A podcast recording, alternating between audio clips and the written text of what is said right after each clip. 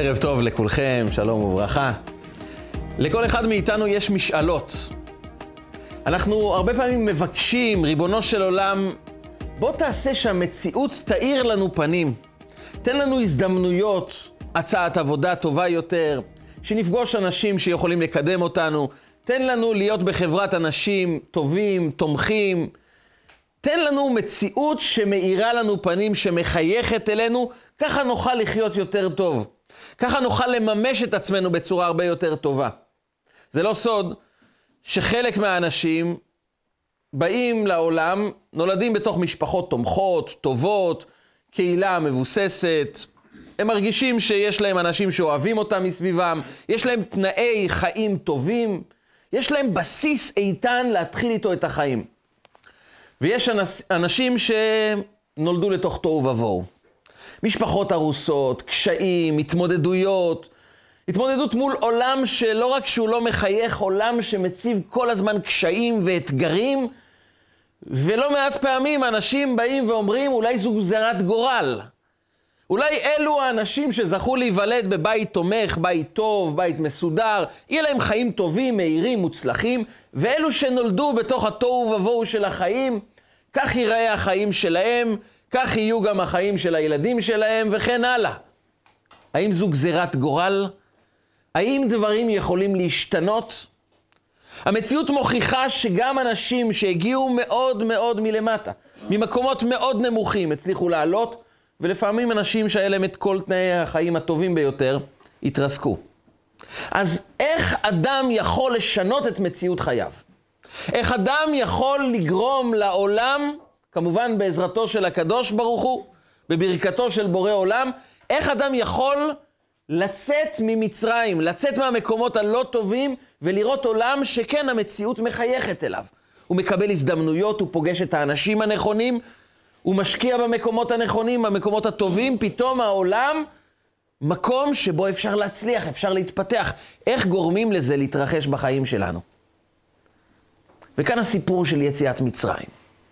כאן הסיפור לא רק הכללי, ההיסטורי של עם ישראל, איך יוצאים מבית עבדים אל גאולה, אל מתן תורה, אל עבר הייעוד של העם היהודי, אלא גם יציאת מצרים זה הסיפור האישי של כל אחד מאיתנו לצאת ממקומות צרים בחיים ולהתחיל לראות עולם טוב יותר. וזה בדיוק סיפורה של פרשת השבוע. פרשת בו זו הפרשה שבה סופית הקדוש ברוך הוא מכניע את מצרים. פרעה אחרי שלושת המכות שמובאות בפרשת השבוע, פרשת בו, אחרי הרבה חושך, מכת בכורות, מכת בכורות, זה המכה שאיתה הקדוש ברוך הוא הכניע את פרעה לגמרי. פרעה במשך כל התהליך של עשרת המכות מתחיל להבין. מתחיל להבין שהנה אצבע אלוקימי, הוא מבין שהשם הצדיק ואני ועמי הרשעים, אבל עדיין הוא מתעקש, עם ישראל לא יוצא ממצרים. עד מכת בכורות. במכת בכורות הוא מסתובב כמו משוגע ברחובות וצועק, איפה משה, איפה אהרון? צאו ממצרים, אני לא יכול יותר. הוא מתחנן ברחובות, תצאו, הכי מהר שרק אפשר. רגע לפני מכת בכורות, רגע לפני ההכנעה הסופית של פרעה והממלכה המצרית, רגע לפני שאנחנו מקבלים את אות השחרור, אות הגאולה לצאת ממצרים, הקדוש ברוך הוא עושה עצור ופותח במצווה. החודש הזה לכם ראש חודשים. הוא קובע את ניסן כראש חודש, ראש החודשים על פי התורה, ואז הוא מצווה אותנו ציווי. הוא אומר למשה ואהרון, תצוו את בני ישראל ויקחו להם איש שא לבית אבות, שא לבית. אני מבקש שכל משפחה בעם ישראל ירכשו כבש, יקנו כבש בעשור לחודש. בי' בניסן. הם צריכים לשמור על הכבש ארבעה ימים, ובי"ד בניסן, בארבעה עשר לניסן, שישחטו ויקריבו את קורבן הפסח. אבל שימו לב, לקנות קונים בעשירי לניסן, להקריב את הקורבן רק בארבעה עשר לחודש ניסן. ארבע ימים שישמרו על הכבש בבית. שיקשרו את זה למיטה ויקומו, יאכלו, ישתו, ותמיד יש פה איזה כבש בבית. והשאלה שהמפרשים, כבר במדרש, חכמינו מנסים להבין זה למה צריכים לקנות את הכבש ארבעה ימים לפני ששוחטים אותו. בשביל מה להסתובב בבית ויש לך כבש שמה, אם נשחט אותו רק בעוד ארבעה ימים? יום לפני, יומיים לפני, נקנה את הכבש ונדאג לשחוט אותו בזמן שלו. וזה אחד מההבדלים הגדולים בין פסח מצרים לפסח דורות. במצרים, בפסח הראשון שחגגנו, קורבן הפסח הראשון שעם ישראל הקריבו, הוא נקרא פסח מצרים. ופסח מצרים צריכים לקחת את הקורבן ארבעה ימים לפני ששוחטים אותו, אבל בפסח דורות, כלומר, במשך כל הדורות, מכאן ולהבא, אתה תקנה את קורבן הפסח בזמן שאתה רוצה. העיקר, ב-14 לניסן, להקריב את הקורבן, תקנה אותו מתי שאתה רוצה. והשאלה שנשאלת, מה נשתנה? מה נשתנה קורבן פסח במצרים מקורבן הפסח במשך כל הדורות? כאן אומר הקדוש ברוך הוא, אני לא רק רוצה שתקריבו קורבן, אני רוצה שתקנו אותו ארבעה ימים לפני ההקרבה, ובמשך ארבעה ימים שיסתובב לכם בין הרגליים הכבש הזה. והשאלה היא למה? ואז בא אחד מגדולי התנאים, מגדולי חכמי ישראל בדור החורבן, חברו של רבי שמעון בר יוחאי. קראו לו רבי מתיה בן חרש. הוא היה דמות מאוד מעניינת. הוא הקים את הישיבה הגדולה, את בית הדין הגדול, במקום הכל כך מפתיע, רומי. הוא חי בתקופת החורבן. אם יש עיר שמסמלת חורבן, את המקום הגרוע ביותר, את בדיוק היפוכה של ירושלים, את המקום הכי רחוק מהמסר של ירושלים, מהקדושה של ירושלים, זה רומי. והוא הקים ישיבה גדולה ברומי. הוא הקים בית דין גדול ברומי. עד כדי כך שהתלמוד אומר שכאשר אדם רוצה להישפט במקום הגון, כמו שכתוב בתורה, צדק צדק תרדוף, לך לרומי, לבית הדין הגדול של רבי מתיה בן חרש. תכף נראה שיש כאן מסר מאוד מאוד עמוק. בכלל האישיות של רבי מתיה בן חרש מעבירה מסר מאוד חשוב לחיים שלנו. אבל רבי מתיה בן חרש אומר את הדבר הבא: למה צריכים לקחת את הכבש ארבעה ימים לפני השחיטה, וזה רק במצרים? זה לא יהיה כלל למשך כל הדורות, אלא רק ביציאת מצרים? וכאן הוא מצטט את הפסוק ביחזקאל. ואעבור עלייך וארך והנה איתך עת דודים. הקדוש ברוך הוא אומר לעם ישראל במצרים, אני בא אליכם ואני רואה שהגיעה שבועה שנשבעתי לאברהם אבינו. אני הבטחתי לו שהעם שלו, צאצאיו, עם ישראל, ישתעבד במצרים, אבל אני אבוא ויגאל אותם. ואחרי כן יצאו ברכוש גדול. והגיעה העת. והנה עיתך עת דודים. הגיע הזמן להתאחד יחד ולצאת ממצרים. רק יש בעיה אחת. אתם צריכים לצאת ממצרים, אבל יש פסוק נוסף שהנביא אומר, ואת ערום ועריה. אנחנו מצטטים את הפסוק הזה בהגדה של פסח. עם ישראל היה ערום לגמרי מן המצוות. עם ישראל היה שקוע בעבודה זרה. עם ישראל מבחינה רוחנית היה נמצא בדיוטה במקום הנמוך ביותר. הם לא היו ראויים, אם היינו מסתכלים מבחינה חיצונית, מבחינת ההתנהגות שלהם, הרמה הרוחנית שבה הם היו נתונים, הם היו הפוך לגמרי מהמצב של גאולה, הם לא היו ראויים בכלל להיגאל, עד כדי כך שמלאכי השרת אמרו לקדוש ברוך הוא, הללו המצרים עובדי עבודה זרה, והללו, בני ישראל, גם עובדי עבודה זרה. מה אלו שונים מאלו? אפילו מלאכי השרת הסתכלו על עם ישראל, אמרו, אין בהם שום דבר טוב, למה אתה גואל אותם? ואת עירום ועריה. אז לכן הקדוש ברוך הוא אמר, הם חייבים מצוות קצת, כדי להיות ראויים לצאת. ואז הוא נתן לנו שתי מצוות, כך אומר רבי מתיה בן חרש, הוא נתן לנו את דם מילה ודם הפסח. באותו הלילה שהם הקריבו את קורבן הפסח, באותו היום, ביום י"ד, הם הקריבו את קורבן הפסח והם גם מלו את עצמם כי יש הלכה ביחס לקורבן פסח? שערל לא יאכל בו. אדם שלא עשה ברית מילה לא יכול לאכול מקורבן פסח. אז הם מלו את עצמם באותו היום, הקריבו את קורבן פסח באותו היום, והיו הדמים, דם המילה ודם הקורבן, מתערבים יחד. ועל זה אנחנו מצטטים את הפסוק הכל כך מפורסם בברית המילה, ואעבור עלייך וארך מתבוססת בדמייך, ואומר לך בדמייך חיי, ואומר לך בדמייך חיי. הדם הזה של המילה ודם הפסח, בזה אתם חיים, בזה אתם יוצאים ממצרים, בזה אתם תגאלו, ואומר לך בדמי חיי, ואומר לך בדמי חיי. פעמיים, על דם המילה ודם הפסח. מרגש מאוד. אבל מה זה קשור לארבעה ימים שצריכים לקחת את הקורבן לפני השחיטה שלו? רבי מתיה בן חרש מציב לנו כאן רעיון מאוד מאוד גדול, מאוד יפה. אתם צריכים להתלבש מבחינה רוחנית, להיות ראויים ליציאה, אז הנה, קחו את דם המילה ודם קורבן פסח, בזה אתם הופכים להיות אנשים ראויים לצאת ממצרים. אבל למה צריכים לקחת את קורבן פסח ארבעה ימים קודם לכן?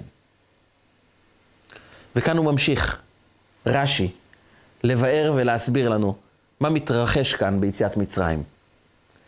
אמר הקדוש ברוך הוא, משכו וקחו לכם צאן. הקדוש ברוך הוא אומר, אני מבקש מכם לקחת את הכבש הזה לקורבן פסח במילים הבאות, משכו וקחו לכם צאן.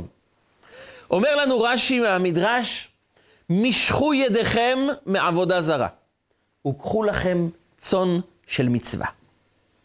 תתנתקו מעבודה זרה וקחו לכם צאן כבש שאיתו תעשו מצווה. וזה מסביר לנו את סיפור ארבעת הימים. יש כאן סוד בארבע הימים האלו. אומר הקדוש ברוך הוא, הבעיה, המונע, המעכב הגדול שלכם מלצאת ממצרים, זה העובדה שאתם קשורים לעבודה זרה. התרבות המצרית חיה בתוככם. ואתם רוצים לצאת ממצרים. אתם לא מפסיקים לזעוק, להתחנן, לצעוק אל השם, תוציא אותנו מבית עבדים, תגאל אותנו מהמקום הרע הזה. אבל אני לא מעוניין רק ביציאה ממצרים, אני מעוניין ביציאת מצרים. מה ההבדל? יציאה ממצרים זה אתה יוצא ממצרים, אבל יכול להיות שמצרים עדיין בתוכך, ואתה הולך איתה לכל מקום. אני רוצה יציאת מצרים, שמצרים תצא. שימו לב שאנחנו מדברים על יציאת מצרים ולא על יציאה ממצרים, מהסיבה שפיזית לצאת ממצרים זה יחסית פשוט. האתגר הגדול זה יציאת מצרים, שמצרים תצא. לא רק שאנחנו נצא פיזית מהארץ שנקראת ארץ מצרים, אלא יציאת מצרים, שמצרים תצא. ואיך מוציאים את מצרים מתוכנו? משכו וקחו לכם צאן. הכבש היה אליל מצרי. בכמה מקומות בספר בראשית אנחנו רואים שהמצרים מאוד מקפידים על הכבוד, על הקדושה מבחינתם של הכבש. ובני ישראל, עם של עבדים, אמורים לקחת את האליל המצרי ולהודיע למצרים שעם שלם קונה כאן כבש כדי לשחוט אותו, כדי להרוג את האליל המצרי. זה לא פחות מלחיות בתוך מדינה ריבונית ולהודיע כללית לממשלה, לצבא, שאנחנו הולכים לשחוט, לשבור, להשחית את סמל הריבונות הכי גדול שלכם. זו מרידה קבל עם ועדה מול השלטון המצרי. זה להסתבך עם כל האוכלוסייה במצרים. אתם הורגים לנו את האליל, אתם מתעסקים עם הדבר הכי יקר לנו, מי ישתוק במצרים? הקדוש ברוך הוא אומר, משכו, קחו לכם צאן. אתם רוצים להתנתק מהעבודה זרה? כאן התהליך. קחו את הכבש, וכשמצרי ישאל אתכם מה אתם עושים, תגידו לו, אנחנו הולכים להרוג את האליל שלך. אנחנו הולכים לשחוט אותו. כי אנחנו הופכים להיות בני חורין. וזה עובר דרך העובדה הזאת שאנחנו מתנתקים סופית מהעבודה זרה שלכם. אבל ארבע ימים. למה ארבע ימים? כי אדם מסוגל לעשות מעשה הירואי, גדול, נשגב, חד פעמי. ברגע מסוים אדם יכול לקבל אומץ ולהחליט, זהו, אני שוחט את האליל המצרי. אבל יש בעיה מסוימת עם חד פעמי. עם אירוע, אירוע גבורה, שמגיע ברגע של גבורה, ברגע של התנשאות, ברגע של עוצמה. הרגעים האלה זה לא בדיוק מי שאנחנו. זה רגע קיבלנו איזו עוצמה רוחנית, אומץ פנימי, ואנחנו שוחטים את האליל המצרי מול כל המצרים. אבל הקדוש ברוך הוא אומר, אירוע חד פעמי זה לא אתם. קחו ארבעה ימים. עד שלושה ימים אדם יכול לעשות דבר מסוים כתוצאה מהתלהבות, כתוצאה מסחרור חושים, אבל זה לא הוא. אברהם אבינו, כשהוא הולך לעקדת יצחק, כמה ימים הוא צריך ללכת בדרך? שלושה ימים. ביום הרביעי, מאז הציווי, הוא שוחט, הוא אמור לבוא ולהקריב את בנו, את יצחק. למה שלושה ימים? שלושה ימים הוא הולך כדי להפנים את העובדה שהוא הולך לקיים את רצונו של הקדוש ברוך הוא, על אף הקושי. הוא לא עושה את זה כתוצאה מסחרור חושים, לא כתוצאה מהתלהבות רגעית חד פעמי, זה לא אקסטזה שפתאום הוא נכנס אליה והוא מקריב את הבן שלו. זה מגיע אחרי ימים של חשיבה, ימים של הפנמה, וביום הרביעי, כשאדם כבר הפנים לגמרי מה הוא הולך לעשות, כאן האדם נמדד. אם אתה יכול לבצע את מעשה הגבורה לאורך כמה ימים, סימן שזה חדר בתוכך. והקדוש ברוך הוא מבקש מעם ישראל, תשחטו את הכבש המצרי, אבל יום יום תקומו ותגידו, אני הולך לשחוט אותו. שיסתובב לכם בין הרגליים, שיהיה קשור למיטה. שכל יום תעמדו מול המצרים ותגידו, זה לא אירוע גבורה חד פעמי, זה מי שאנחנו. וכשאתם ארבעה ימים תעמדו מול האלילות המצרית ותכריזו מול כולם, אני כבר לא שייך לזה, משכתם את ידיכם מעבודה זרה ולקחתם צאן של מצווה. הצאן של המצווה הוא בעצם תהליך של התנתקות מהעבודה זרה. בדם הפסח, עם ישראל התנתק מהתרבות הרעה, מהתרבות של כל, כך זרה לו. מהמקום הכל כך רע, הוא אומר, אני מתחיל לפעול פעולות שמוציאות אותי מהמקום הרע הזה. עם ישראל לא הופך לצדיקים ביציאת מצרים. גם כשהם נמצאים מול ים סוף, המלאכים חוזרים ואומרים, הם עדיין לא אנשים טובים. במה הם ראויים שתקרא להם את הים? הקדוש ברוך הוא אומר, יש תהליך שצריך לעבור. זו הסיבה שאנחנו מציינים את ספירת העומר מחג הפסח עד לחג השבועות. אלו הם ימים, 49 יום, שעם ישראל השתפר והתקדם, פיתח את עצמו, זיכך את המידות שלו, התקדש, כדי שהוא יהיה ראוי לקבל את התורה. אז אם ממילא, כשהם יוצאים ממצרים הם לא צדיקים, לא יותר פשוט לקחת אותם ולהוציא אותם, אחר כך נראה, ייקחו כבש, יהיו איתו ארבע ימים, שבוע, שבועיים, אבל תוציא אותם ממצרים קודם כל, אחר כך תשפר אותם, תקדש אותם, תהפוך אותם לעם ראוי, גם ככה ביציאת מצרים הם לא הופכים לצדיקים. אז למה רגע לפני מכת בכורות הקדוש ברוך הוא אומר, עכשיו תיקחו צאן, עכשיו ארבעה ימים תכריזו שאתם לא שייכים לעבודה זרה, ותמולו את עצמכם.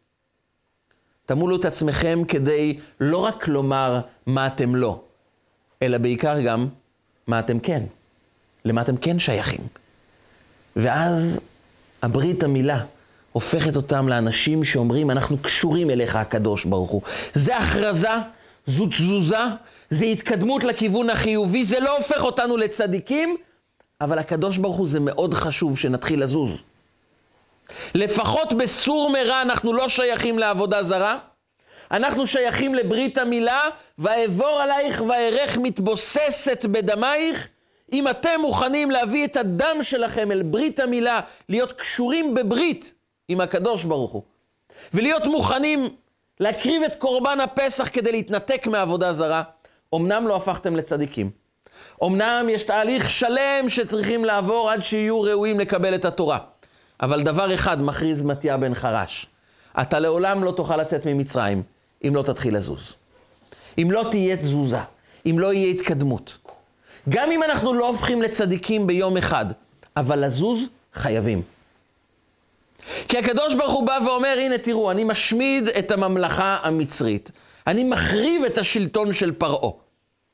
אני יכול במשך תשע מכות, אתם צופים באירוע מסעיר שלא היה כל ימות ההיסטוריה. דם, צפרדע, קינים, ערוב, דבר, שכין, ברד. פרעה מכריז, השם הצדיק ואני ועמי הרשעים, מה יותר גדול מזה? ואז מגיעה מכת הרבה וחושך. ורגע לפני המכה, שפרעה יכריז, אני כבר לא יכול, צאו ממצרים, הקדוש ברוך הוא אומר, אני יכול להוציא אתכם ממצרים, אבל מצרים תישאר בתוככם. התהליך הגדול הוא, כדי לצאת ממצרים, צריך להוציא את מצרים מתוכנו. תתחילו לזוז, תתחילו להתקדם. תתחילו לשאוף להיות טובים יותר, וזה יהפוך את העולם שבו אתם חיים לעולם טוב יותר. כשאתם מתחננים, הקדוש ברוך הוא תוציא אותנו מבית עבדים, תן לנו הזדמנות, כמו כל עם, להיות בני חורין. תן לנו הזדמנות להיות יותר מכל העמים, להיות העם שלך. אומר הקדוש ברוך הוא, אני יכול לקחת אתכם, אבל אתם חייבים לזוז. ובזה אומר הרמב"ן והאור החיים הקדוש, הם אומרים דבר אחד, כשאדם זז בתוך החיים שלו, כשאדם הופך להיות ראוי ולו מעט, הוא מתחיל לשפר את עצמו, הוא יורד לתוך המצרים האישי שלו, הוא מגלה שהוא קשור לעבודה זרה. משכו ידיכם מעבודה זרה. עם ישראל היו קשורים, היו מחוברים, היו עמוק עמוק בתוך העבודה זרה. זה היה המצרים האמיתי שלהם. מצרים החיצוני, מציאות החיים הקשה היא ביטוי לצורת חיים רוחנית לא ברורה, לא נכונה, לא טובה. וכשהם התחילו לזוז, הקדוש ברוך הוא אומר, עכשיו אני מביא את מכת בכורות. וכשדם המילה התערב עם דם הפסח, הקדוש ברוך הוא לקח את הדם הזה, והוא אמר להם, עם דם הפסח תשימו על המשקוף, זה מה שיציל אתכם. זה מה שיגרום לכם להיות עם שיכול להיגאל. כי סוד הפיכת המציאות לטובה יותר, קשורה עם העובדה שאנחנו מתחילים לצמוח יותר, לעלות גבוה יותר. כשאנחנו מתחילים לזוז באישיות שלנו, להיות אנשים שקשורים לרמה רוחנית גבוהה יותר. במקום להיות קשורים רק לעולם החומר, לעבודה זרה של מצרים, שבכל דור יש את העבודה זרה המיוחד של אותו דור, אבל המכנה המשותף בעבודה זרה, שנמצאים רק בעולם החומר, עולם הכבש, ביאור, בעולם הגשמי, הפיזי, שאותו אנחנו הופכים לאליל. וממנו צריך לצאת ולחשוב קצת על עולם רוחני שלא תלוי במה אני מקבל, אלא במה מטרת חיי. כי כאן ההבדל הגדול בין מה שנקרא הנפש הבהמית לנפש האלוקית. לנפש הבהמית שלנו יש קוד אחד שעל פיו היא עובדת. לקוד הזה קוראים אמילי. שמעתם על זה? אמילי זה בעצם ראשי תיבות של אני, מה יוצא לי מזה. זה הקוד של הנפש הבעמית. היא מחפשת רק דבר אחד, מה נותן לי, מה מעניק לי, איך אני חווה תחושות טובות יותר, הנאה גדולה יותר, זה מה שמעניין אותי. אבל הנפש האלוקית שואלת שאלה אחרת. מה ריבונו של עולם צריך ממני? מהי שליחות חיי? איך אני מקדיש את עצמי לרובד נעלה יותר, גבוה יותר? יציאת מצרים, היכולת שלנו להפוך מבית עבדים, מעבדים, לבני חורין, לאנשים שרואים ניסים ונפלאות, לאנשים שנמצאים על הדרך ישירות לארץ ישראל, לקבל את התורה, לקבל את הייעוד הרוחני. זה אנשים שמתחילים לצאת ממצרים ואומרים לעצמם, משכו ידיכם מעבודה זרה, אני מפסיק להתמסר לתרבות הזו שכל כולה שקועה רק במה אני מקבל, בכמה אני יכול ליהנות, בכמה אני חווה את העולם הפיזי בעוצמה גדולה יותר. משכו, משכו ידיכם מעבודה זרה וקחו לכם צאן של מצווה.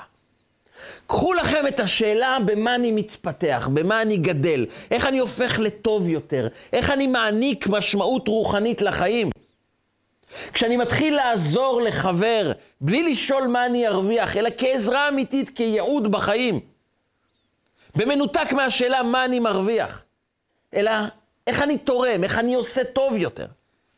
ואדם מגמד את המשיכה הטבעית כל כך לעולם החומר, לתאוות, להנאות, ליצרים. הוא אומר, אני משועבד לדבר הזה ואני מתחיל להתנתק. משכו ידיכם מעבודה זרה.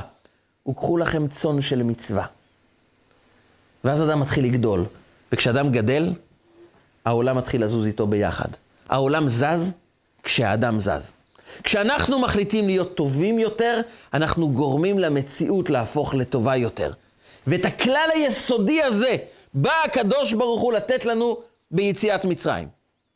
יציאת מצרים זו מצווה שאנחנו פוגשים אותה בהמון המון מצוות אחרות. אם זה סוכה, ואם זה אפילו קידוש, זכר ליציאת מצרים. כשאנחנו מניחים תפילין, אנחנו גם זוכרים את יציאת מצרים. בקריאת שמע אנחנו מזכירים את יציאת מצרים. היא מלווה אותנו לא רק בגלל שזה אירוע היסטורי מכונן, אלא כי זה דרך חיים. כשאתה רוצה לצאת מהמיצרים, מהמקומות הלא טובים, תשאל את עצמך תמיד, איך אני ביציאה מהיצרים שלי? איך אני בהתפתחות הרוחנית שלי? זה קשור אחד לשני, כי לא יוצאים ממצרים אם לא מתחילים למשכו ידיכם מעבודה זרה, וקחו לכם צאן של מצווה. אם אדם לא יורד למצרים ושואל את עצמו איך אני מתנתק מהמקומות הלא טובים שבי, איך אני מתחבר לברית המיוחדת, שהיא זהות חיי, המשמעות של חיי, אי אפשר לצאת ממצרים. הקדוש ברוך הוא אומר להם, תראו את כל התהליך שעשיתי. אני עוד רגע מחריב את מצרים ואני מוציא אתכם. אבל אני לא מבקש יציאה ממצרים, אני בעיקר מבקש יציאת מצרים.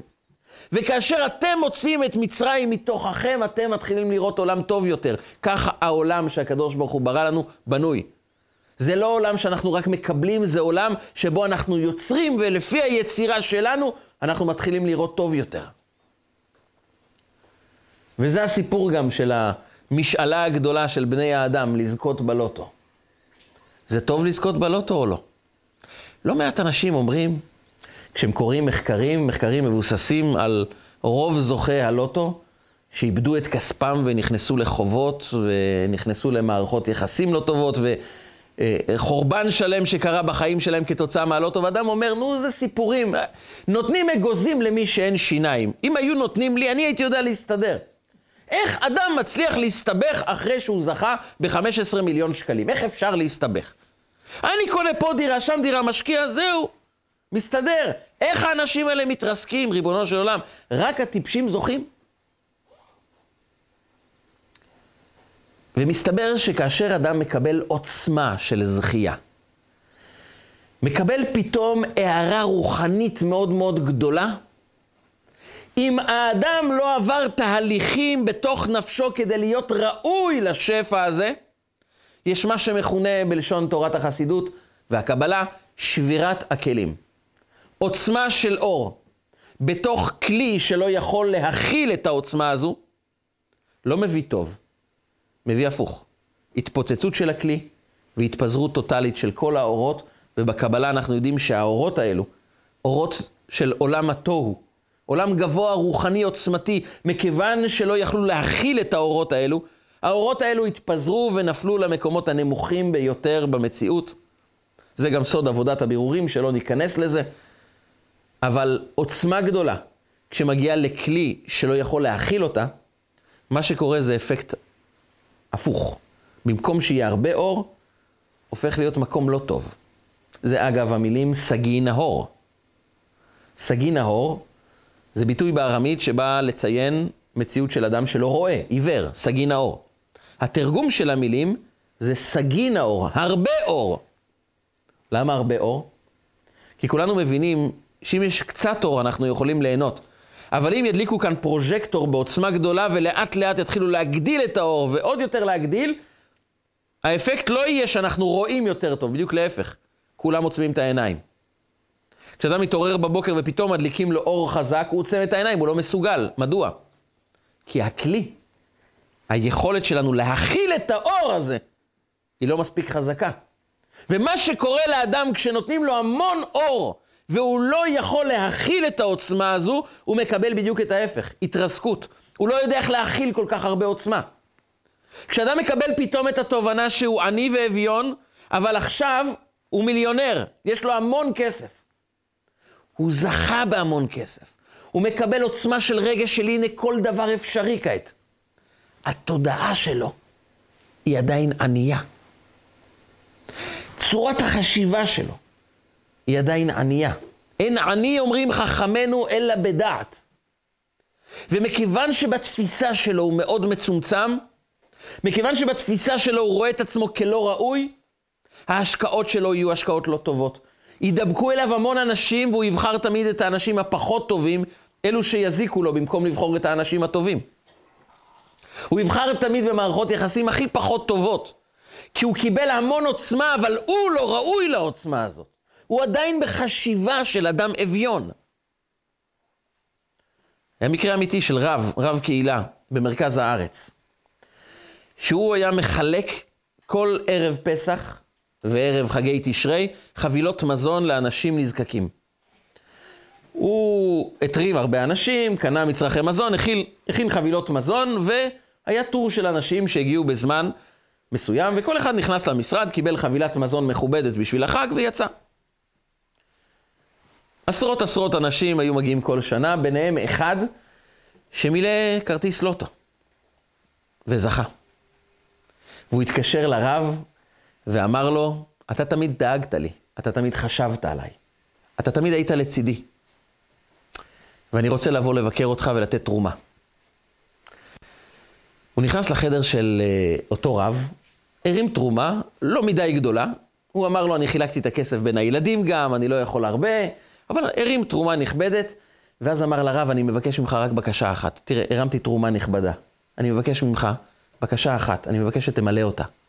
אמר לו, הרב, בסדר גמור, בשמחה רבה, מה יכולים לעזור לך? הוא אומר, תראה, הטור הזה של האנשים שבאים לקבל את החבילה, זה לא נעים. לא נעים להיות בטור האנשים האלה שכולם נזקקים. אני מבקש ממך, הפסח הקרוב שאני בא לקבל את החבילה, תכניס אותי בדלת האחורית, תן לי את החבילה בלי שאני אצטרך לעמוד בתור.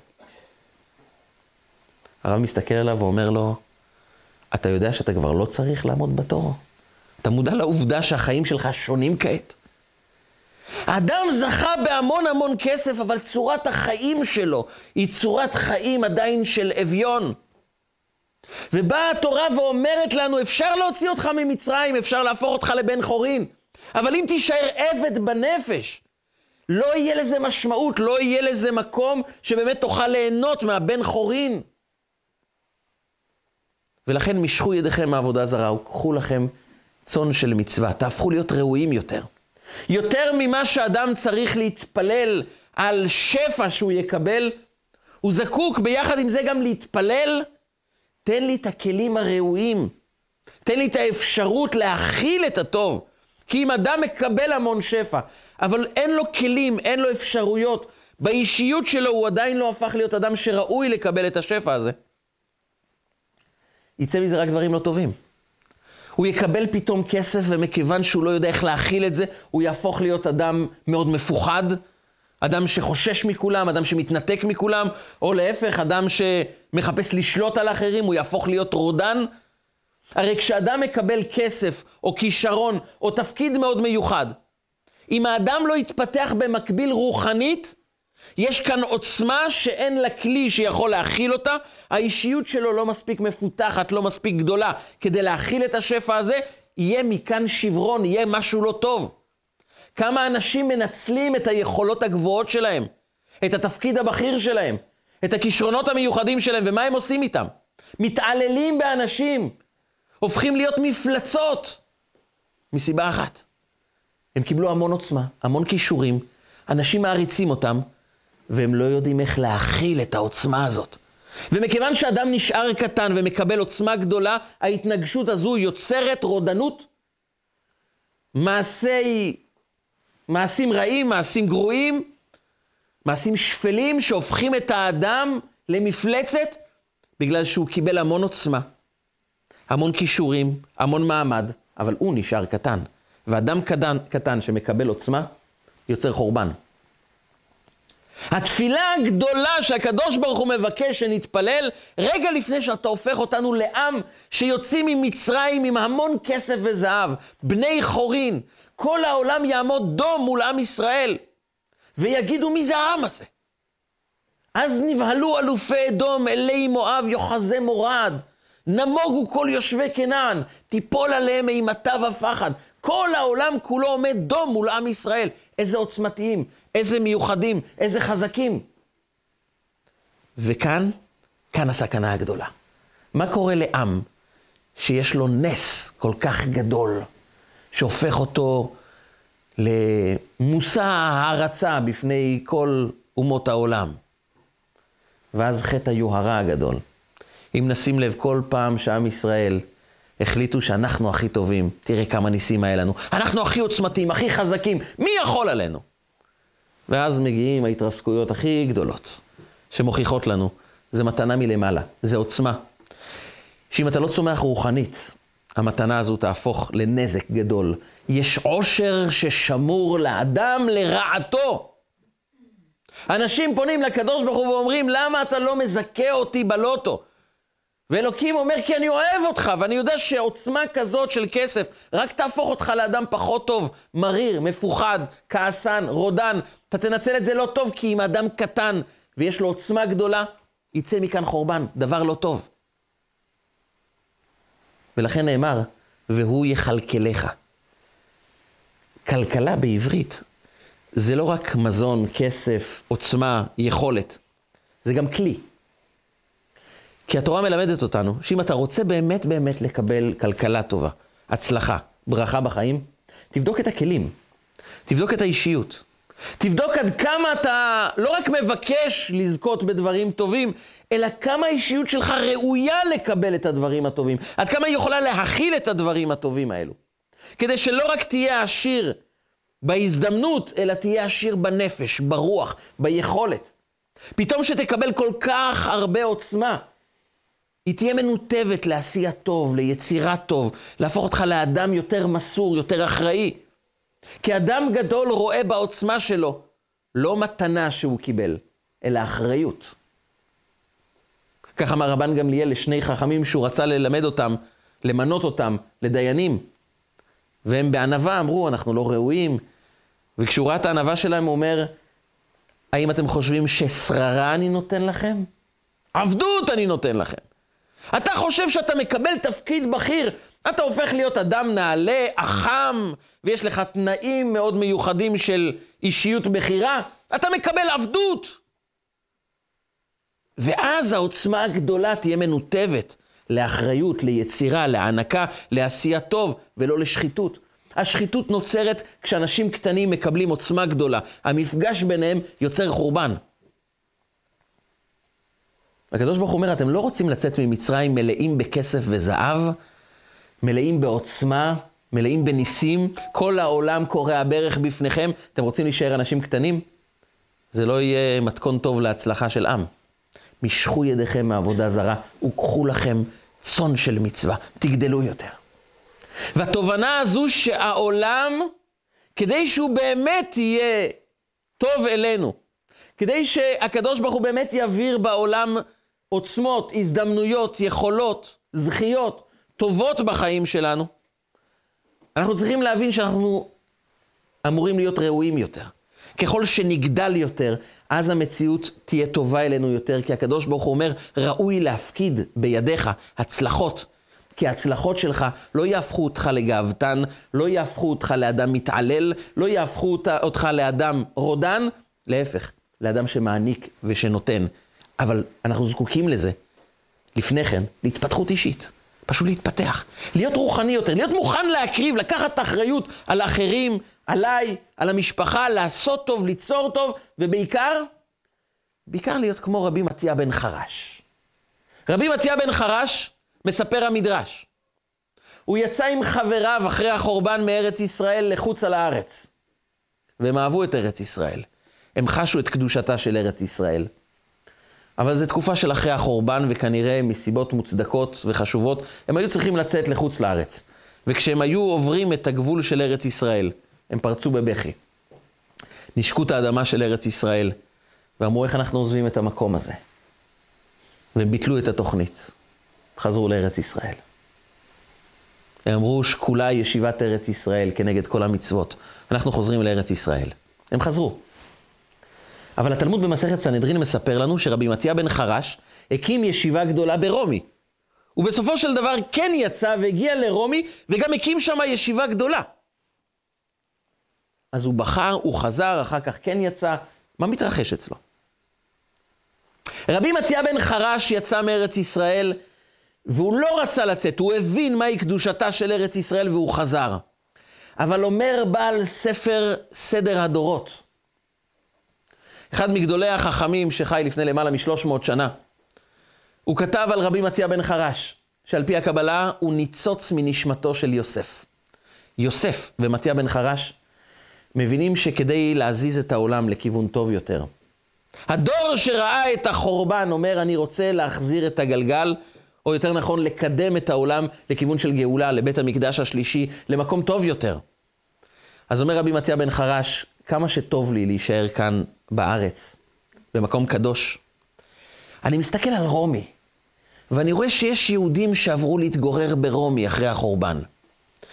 אפשר להניח שהיהודים שבחרו לגור ברומי, העיר שמסמלת את שיא הטומאה, את חורבן הבית, את המקום הכי הפוך מקדושתה של ירושלים, היהודים שבחרו לגור שם זה לא בדיוק היהודים הכי צדיקים, כאלה שכל כך חשוב להם ארץ ישראל, הקדושה, התורה, זה אנשים שנטשו הכל. והם, הם נמצאים בתודעה שעליה אמר הנביא יחזקאל, ואת עירום ועריה. אתם נמצאים שם באותו מצב שהיה עם ישראל במצרים. אומר מתיה בן חרש, זה התפקיד. ללכת למקום של עירום ועריה ולהלביש את עם ישראל. ליצוק תוכן אמיתי בתוך החיים שלהם ולקדם אותם, להעלות אותם. הוא בוחר כמו יוסף הצדיק לרדת למצרים, וזה לא תאונה. זה הבנה שדווקא במקומות ששם עם ישראל הכי חשוף, הכי רגיש, הכי פגיע, הכי רחוק מהאמת של הזהות שלו, שם המקום שתרד ותקים שם הישיבה, כדי להלביש את עם ישראל, ואת עירום ועריה. נתן להם שתי מצוות, דם מילה ודם הפסח, כדי להפוך אותם לראויים. כרבי מתיה בן חרש, כיוסף הצדיק, מעביר לנו מסר אחד. העולם יזוז כשאתה תתחיל לזוז. יציאת מצרים לא יכולה להתרחש לעם של צופים, רק לעם של שחקנים. לעם שמוכן להתחיל לשחק, להתחיל לזוז, להתחיל לפעול. במקומות האלו, במצב הזה, בתודעה הזו, אנחנו יכולים להיות ראויים ליציאת מצרים, ואז לחוות את הבן חורין בחוויה אמיתית שהופכת אותנו לעם שבאמת ראוי לקבל את העוצמה הזו ולצאת מתוך המקומות הנמוכים ביותר ולהיגאל. זה סיפורו של עם ישראל, סיפור יציאת מצרים, סיפור ההתקדמות האישית של כל אחד מאיתנו, כשאנחנו חושבים על פחות נפש בהמית ויותר נפש אלוקית, רוחנית. כשאנחנו מוכנים לרדת למצרים האישי שלנו, ללכת לרומי, ולומר במקום הזה של עירום ועריה אני מתחיל לקבל זהות, אז אני מתחיל לזוז, ואז אנחנו יכולים להיות ראויים לקבל גם אור גדול ולצאת מעבדות לחירות. עד כמה זה חשוב שאדם יהיה ראוי, יש סיפור חסידי, קצת מוזר, אבל ככה חסידים היו מספרים. כידוע, בעיירה היהודית, יהודים חיו תחת השלטון של הפריץ. הפריץ זה השולט בכל החוות, בכל המחוזות. בדרך כלל היה מדובר באדם שיש לו המון עוצמה, המון כסף, ואפס מחויבות. הוא ממנה כמה אנשים, אתה תהיה אחראי על הדבר הזה, אתה תהיה אחראי על הדבר האחר, כסף כולכם מביאים אליי, והוא חי חיי הוללות. הרבה כסף, המון עוצמה, אף אחד לא אומר לו מה לעשות. מתכון מוצלח להפוך להיות אדם בזוי ושפל. ואדם בזוי ושפל, כשאין לו מה לעשות, השעמום פוגש אדם חסר רגש, ואז נוצרו כל ההתעללויות ביהודים. הפריץ הגיע למסע כבוד בין העיירות שהיו תחת השלטון שלו, הוא הגיע לעיירה היהודית, וכיבדו אותו, והביאו לו אפילו עגלה שתיקח אותו, עגלה עם סוס, שיקחו אותו, שיקח אותו לעיר הבאה, והעגלון היה יהודי. עגלון פשוט, אדם שלא ידע ללמוד באותן תקופות. יהודים, היו הרבה יהודים שבקושי ידעו לקרוא, היו מגיעים שבת לבית הכנסת, שחרית, היו מתפללים מהר, מה שיודעים להגיד, וחוזרים לעבודה ועובדים עם סוסים כל היום. העגלון הזה לא היה רב גדול בלשון המעטה, יהודי פשוט לחלוטין. והפריץ יושב והוא משועמם. ואדם מושחת שהוא משועמם, זה מתכון לצרות. הוא פונה לעגלון ואומר לו, היי, אתה יהודי, נכון? אמר לו, כן. אומר, הנה, יש פה צלב, אני מבקש ממך לנשק את הצלב. סתם, להתעלל ביהודי, להרוג לו את האמונה, לפגוע בו בנפש. העגלון מסביר לו בשפה של עגלונים, תקשיב, אני יהודי וצלב זה עבודה זרה, ואני לא משתחווה לעבודה זרה, בטח לא מנשק. הפריץ קיבל פתאום חיים, פתאום התלהבות. אומר לו, תעצור, אני דורש ממך שתנשק את הצלב. אומר לו, עקלון, אבל זה בלתי אפשרי, אני יהודי, לא מנשקים צלב.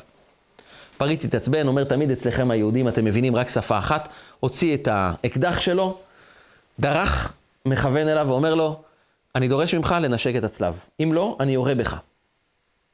והעגלון אומר לו, אתה יכול לראות, אבל אצל היהודים מוסרים נפש עבור שמירה על הזהות שלנו, ואנחנו לא משתחווים לעבודה זרה, גם אם אתה הורג אותי. פריץ צורח עליו, אני יורה בך, תשתחווה, תנשק את הצלב. הוא אומר לו, לא, אתה יכול להרוג. פריץ בהלם. עגלון שלא נראה שיש קשר בינו לבין האמונה היהודית, קשר כל כך עוצמתי, מוכן לאבד את החיים שלו כדי לא להשתחוות לצלב? הפריץ ביקש מהעוזרים שלו, תקראו לי לכומר. קראו לכומר. הוא אומר לכומר, אה, תירק בבקשה על הצלב. אומר לכומר, למה? זה קדוש, אי אפשר, מה? פריץ מוציא את האקדח ואומר לו, טוב, יש לך שלוש שניות, תירק על הצלב או שאני יורה. הוא התחיל לירוק. ירק פעם, פעמיים, שלוש, רק כשהפריץ יירגע, ירק על זה.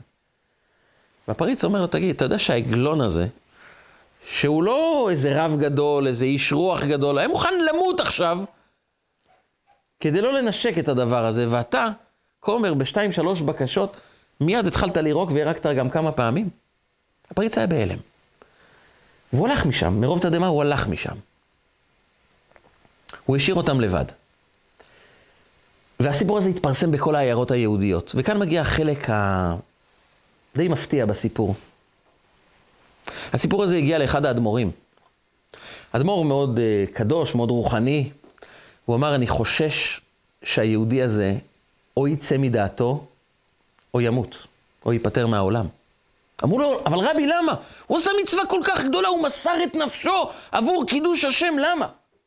אומר, לא, חלילה, זה לא עונש, יש לו עולם הבא גדול, כמו הצדיקים הכי גדולים. חוששני שאו שהוא ישתגע, או שהוא ימות. אבל למה? בואו תבינו. אתם יודעים מה קורה לאדם שמקבל פתאום עוצמה רוחנית אדירה שהוא לא רואה יותר את העולם, הוא רואה רק את הקדוש ברוך הוא, עוצמה רוחנית כל כך גדולה, בתוך אישיות של אדם שמעולם לא השקיע יותר מדי בעולם הרוח. הוא מעולם לא התפתח רוחנית, הוא מעולם לא השקיע בלימוד, הוא מעולם לא צמח, הוא היה עגלון, אולי זה לא באשמתו, אבל אדם עם כלים מאוד קטנים שמקבל עוצמה אדירה. זה פרוז'קטור ענק לאדם שרק התעורר מהשינה. משהו כאן יישבר, זה לא יכול להישאר בצורה הזו. מי שסיפר את זה היה אחד החסידים, שהוא לא זכר האם בסופו של דבר אותו אדם משתגע או שהוא נפטר. כמובן שאותו אדם הוא צדיק גדול, אבל הוא רק מציב בפנינו את התביעה, את המסר המהדהד, הכל כך כל כך חשוב לחיים שלנו. אי אפשר לקבל אור גדול כשאנחנו נשארים קטנים. כדי לקבל שינוי גדול בעולם, אנחנו צריכים לשנות תודעה פנימית. אור גדול מגיע לאנשים עם שינויים, עם התקדמויות, עם תזוזות. כשאנחנו מבקשים מהקדוש ברוך הוא, תזיז את העולם יותר טוב, תן לנו הזדמנויות, תן לנו הצלחות, תפגיש אותנו עם אנשים טובים, תן לנו הצעות עבודה טובות יותר, תספק לנו ככה אירועים משמחים וטובים בחיים, כדי שנוכל להתפתח, לצמוח, לגדול. אומר הקדוש ברוך הוא, זה מגיע, אבל זה כמו גשם. גשם יכול לרדת על שדה, אבל אם לא חרשו וזרעו, הגשם לא יצמיח שום דבר, במקרה הטוב קוצים. אז גשם מצמיח קוצים או תבואה, תלוי מה האדם עשה בתוך השדה האישי שלו. אדם שחרש וזרע, הגשם יצמיח יבול, פירות טובים, פרחים יפים, עצים מהריבים, אבל אדם שלא עושה כלום ורק מבקש, תן גשם, הגשם ירד, לא יצמח שום דבר.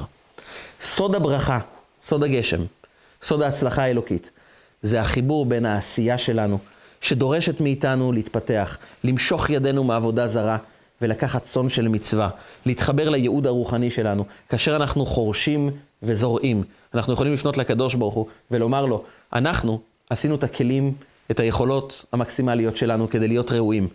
הגיע הזמן שלך להאיר לנו את הגאולה השלמה שתבוא אלינו במהרה בימינו, אמן ואמן. רגע של חוכמה, רגעים קצרים ומשנה חיים. הצטרפו אלינו, הרשמו לערוצי רגע של חוכמה ביוטיוב, בפייסבוק, באינסטגרם ובוואטסאפ.